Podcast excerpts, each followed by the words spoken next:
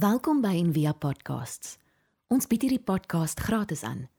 Om 'n bydrae te maak, besoek gerus ons webblad en via.org.za vir meer inligting.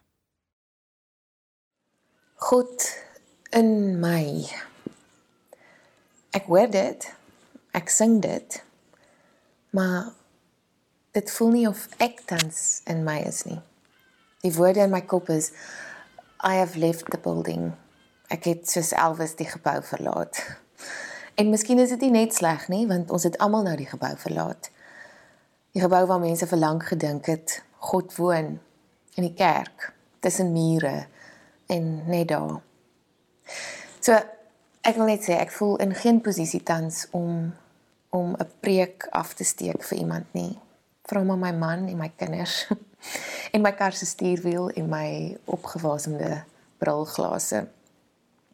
En dan kom Frederik Beekner se woorde wat ek vertaal het sodat dit net 'n bietjie nader aan die huis is altyd tot my redding voor ek my werk moet doen. Laat haar moed skep. Sy's nie geroep om 'n akteur of 'n kulkunstenaar op die preekstoel of op haar rusbank te wees nie. Sy word geroep om haar waarheid, haar ervaring van die waarheid te deel. Sy word geroep om 'n mens te wees. Om mens te wees En dit is genoeg van 'n roeping vir enige mens.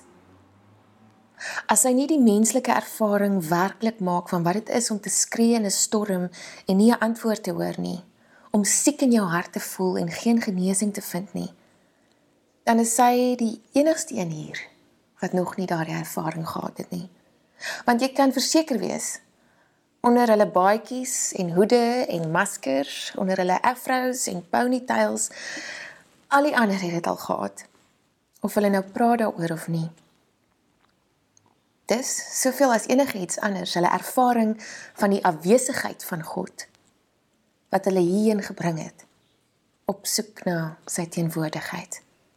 En as die prediker nie daaroor of daarvoor praat nie, word sy die kaptein van 'n skip wat die enigste een aan boord is wat op nie weet dat die branders 20 voet hoog is nie en die dek oorspoel dit nie of wat dit gewoon nie in die gesig wil staan nie en daarom enigiets kan sê wat gaan oor hoop of troos of bemagtiging of selfs liefde of waarheid en niemand sal haar glo nie.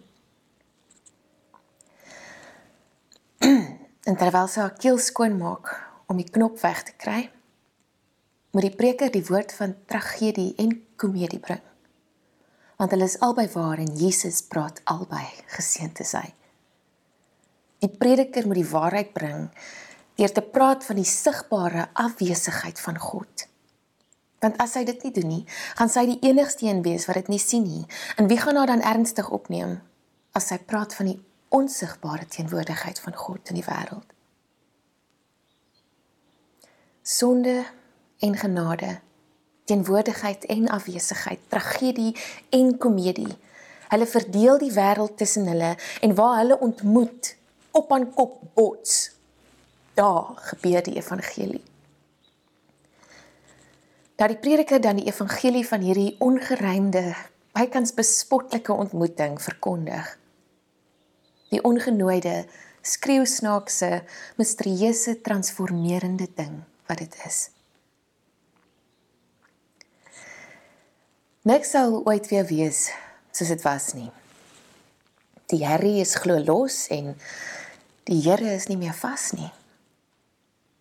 31 Desember 2019 het ek met my buur by die vuur gesit en gedink die besigheid is uitgefigure. 2020 klink net reg. Of dit sou word. Fast forward en die ding versprei en hy kom vir my maar hy Chinese en hy praat nie met taal nie en anyway. Nog 'n bietjie later, middel April en ek is lief vir my man en ek is lief vir my huis en ek is lief vir my kinders en ek is lief vir Cyril en ek is lief vir my dear fellow South Africans en ons gaan weer stap in die straat en mekaar groet en die werklik greetiges maak landsvla en hulle sit dit aan hulle prams vas en ons rol nie eens ons oë nie en ons brille wasem op maar dis oukei okay, want ten minste haal die aarde weer asem en die voëls sing in Wuhan en die Venesiese kanale stink nie meer so erg nie. En ons lag saam met ons president wat ook maar net mense is en ons kombuintjies word klandestien afgelewer en ons was ons hande en ons dra ons maskers and we are the lucky ones en ons is almal in dieselfde bootjie. Ek praat gister met my vriendin wat ek begin Maart laas gesien het en sy sê en ek weet almal sê ons is saam in hierdie ding en selfe bootjie en al daai goed en ons is nie alleen nie maar hoekom voel ek dan so alleen? Dis dalk dieselfde storm, maar dit is definitief nie dieselfde bootjie nie. Storm. Chaos. En chaos sê Richard Rohr is niks anders nie as die pyn wat veroorsaak word as ou goed in mekaar tuimel. Sommige van ons sal nooit na nuwe plekke toe gaan as die ou goed nie in mekaar val nie. Die mystieks gebruik baie woorde om hierdie chaos te beskryf: vuur, donker, nag, dood, verwerping. Wat ook al dit is, dit voel nie goed nie en dit voel nie soos God nie. Want verandering is ongemaklik. Ons hou daarvan om elkeen ons eie custom-made veranderingkies te kies. My haarkleur en my snit, my my meubels wat ek herrangskik, my oorsese vakansie, my nuwe werk want daai een het my nie gepas nie. Daai tipe veranderings. Om te verander is nog ongemakliker.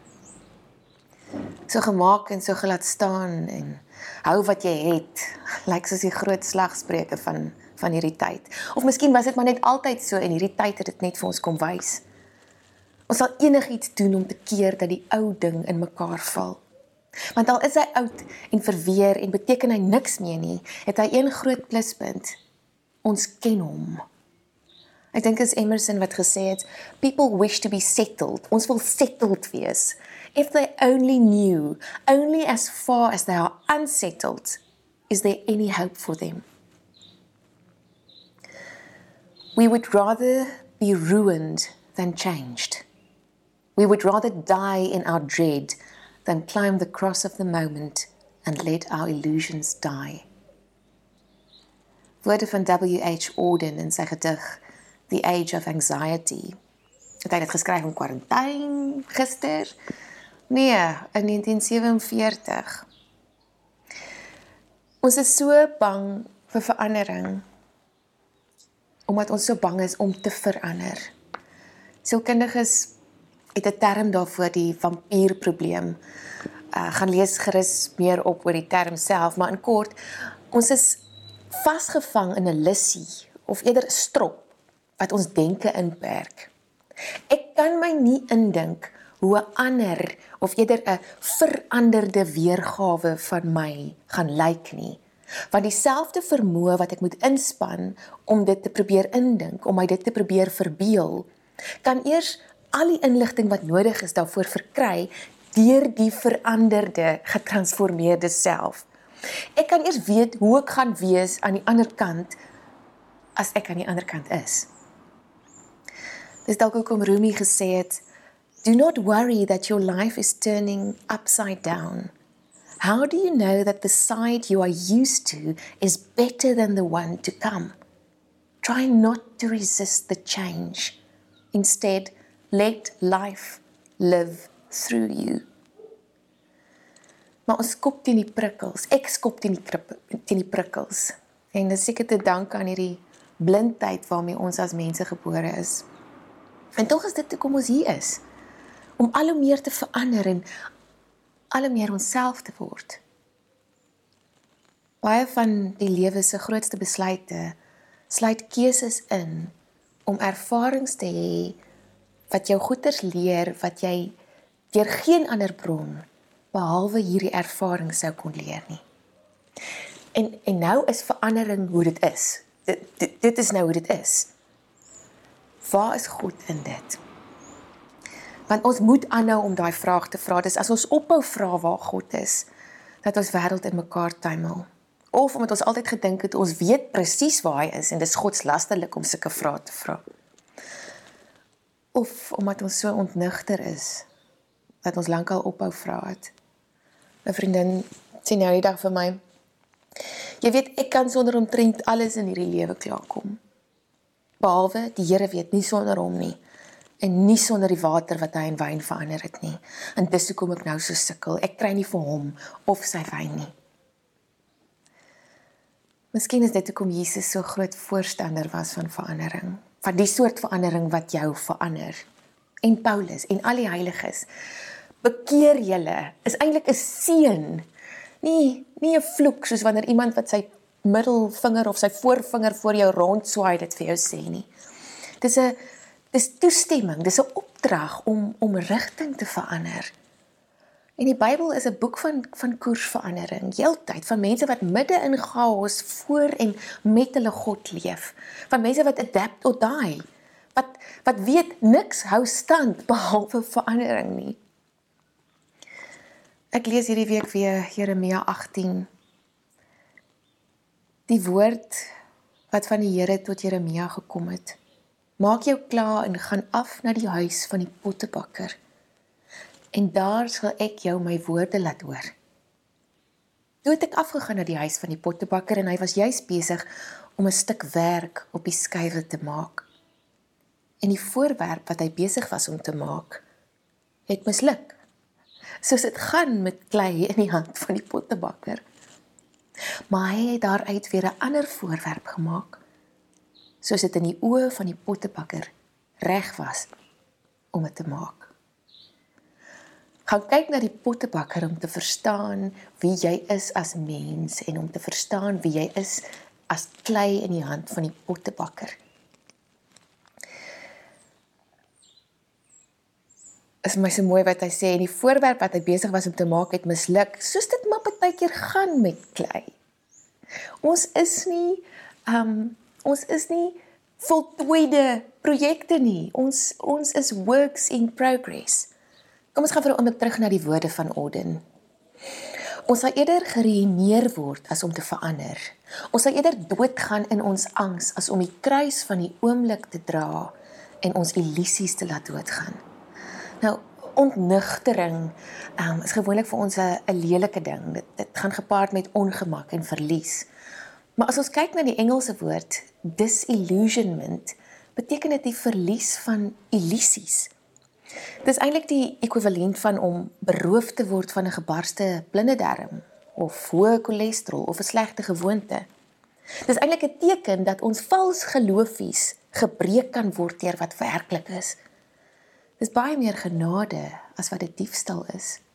Dis meer soos 'n chirurg wat 'n gewas verwyder as wat dit die vrede rooftog van hoop is. En tog sal ons eerder dronk wees as ontnigter. Jesus se kruisiging was so die dood van God ultimate ontnigtering. Vir hulle wat hom werklik liefgehad het, het dit lank gevat om te sien dat dit nie hoop self was nie, maar hulle hoopvolle illusies wat saam met hom gesterf het. Alles wat hulle gehoop het God is, alles wat hulle gedink het hulle weet van godsdiens, het ook genadiglik gesterf aan die kruis. Nou, Advertensiemaatskappye maak staat op ons verslawing om van die een dooie illusie na die ander te spring. Die kruis van die oomblik, soos Orden dit beskryf, sê ontnugtering is die voorspel van opstanding. In die woorde van Parker Palmer, geloof is 'n ontnugterde blik op die realiteit wat die skoonheid agter die illusies laat deurskyn. Want ek kan heeltyd na God soek op ander plekke as dit goed gaan. As dinge stabiel is, onveranderd. As hy net die onwrikbare rots op die preekstoel behangsel is. As ek die ontwerper van my eie gekose veranderings is. As ek kan gaan reis of myself reinvent wanneer die wêreld my speelplek is. Maar wanneer alles anders is as wat dit was, moet ek God gaan soek waar hy nog altyd was is sal wees. In my in my. Ek sluit af. My onderliggende lese die afgelope tyd was hou die heil in. En ek praat met baie mense en ek dink dat dit redelik universeel is. Soos iemand in ons gemeente nou eendag vir my sê jy maak of smile maklik is en knip net die heeltyd jou oë sy dit uitgefigure. Mans se inhou huil lyk 'n bietjie anders. Kom meestal uit in die vorm van van woede of kwaad. Vrouens se as die huil gaan versteen, dan word dit so verbitterdheid. En dan word ons almal sulke masjien weergawe van onsself. Sulke kwaai, bitter robotte. Net om deur die dag te kom. En omdat ons dalk bang is vir wie ons sal word of wees aan die ander kant van hierdie van hierdie weerloosheid wat in ons almal na vore gekom het. Gister het ek vir so 'n paar oomblikke laat gaan omdat ek dit kon regverdig en sê dis trane van van onreg en woede en dood. Ek het gehuil oor kom ons noem hom Kaal wat iets by ons kom aflaai het en wat saam met sy kollegas so onmenslik erg uitgebuit word by hulle maatskappy. En ek het gehuil oor Jamie Lee, 'n ma van twee kinders, die enetjie doof en alteer verskeie breinoperasies. Hulle is nog klein. Jamie Lee wat ek in Maart laas gesien het en 'n maand terug skielik oorlede is op die operasietafel. Nooit oor haarself of haar gesondheid gepraat nie want dit was altyd net haar gesin. Net so oud soos ek. Ek huil ook daaroor dat sy my nie kon bel om vir my te sê sy's dood nie en omdat niemand anders het nie. Maar te sluk ek dit weer vinnig af en ek knip my oë vinnig toe ek by die werk kom. Vanoggend lees ek hierdie woorde uit Psalm 18 van die psalmdigter. A hostile world I call to God. I cry to God to help me. My cry brings me right into his presence. En dan gaan die psalmdigter voort om God se almag en majesteit en die pandemonium te beskryf.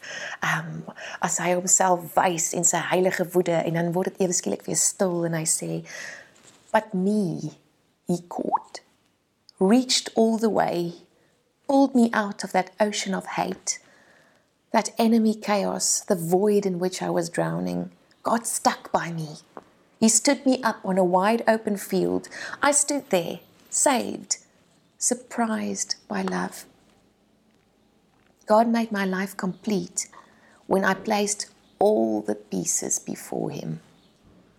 God rewrote the text of my life when I opened the book of my heart to His eyes. Alles wat ek is, om dit voor God te bring en dan kan hy die teks van my lewe herskryf. My my omvorm, my transformeer. Nie net my mooi stukkies nie, al my stukkies. Nie net my robot nie, ook my huil. My geestelike begeleier wat ek ag as een van die wysste mense wat leef. Sy sal in die 80 en sy het al alles gesien en daarom kan sy seker nie meer sien nie. Sy vra altyd vir my, where is God in all of this? Al sê ek wat vir?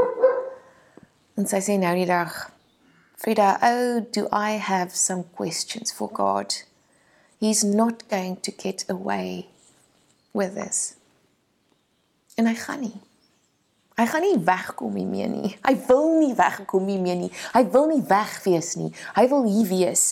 En toe vra sy my, sy vir my, hoeveel gekose weerloosheid moes dit vat? So, do you have any kind of hotline because I don't. En ek sê te nee, ek het nog nooit gehad nie. Ek is maar een van die Israel kinders, ons worstel en dis hoe ons liefhet. Maar ek het wel een ding daar van sy kant af gehoor. Hier van sy kant af gehoor. Eintlik twee woorde en hy herhaal dit heeltyd. As ek sê, Here, ek is moeg, dan hoor ek net ek weet. Here, ek voel of ek my kinders verwond. Ek weet. Ja, dit is nou moeilik en, en, en ek moet nou huil. Ek weet. Ja, die mense is honger. Ek weet. Ja, almal is so kwaad want almal is so seer. Ek weet. Here, hoe lank nog? Ek weet. Die Here weet. En hy's aan die bopunt, die onderkant, die agterkant, die binnekant van verandering. 'n Journey. When he got up that morning, everything was different. He enjoyed the bright spring day, but he did not realize it exactly. He just enjoyed it. And walking down the street to the railroad station, past magnolia trees with dying flowers like old socks, it was a long time since he had breathed so simply. Tears filled his eyes and it felt good. But he held them back because men didn't walk around crying in that town.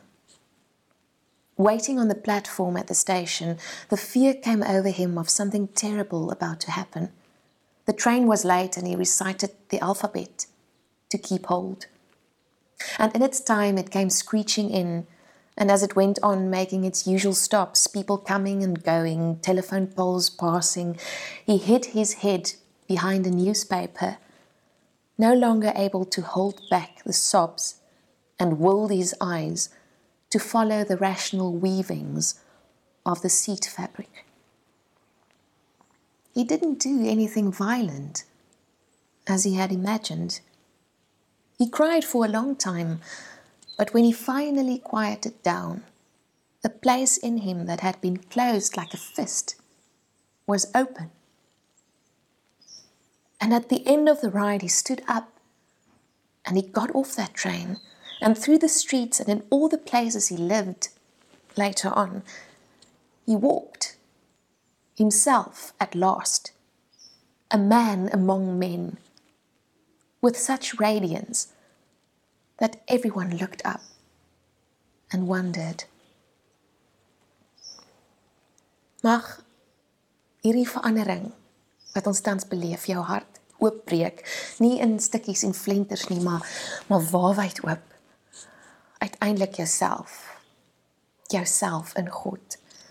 En mag die verandering waardeur jy tans beweeg jou verander en oopmaak vir ander. Amen.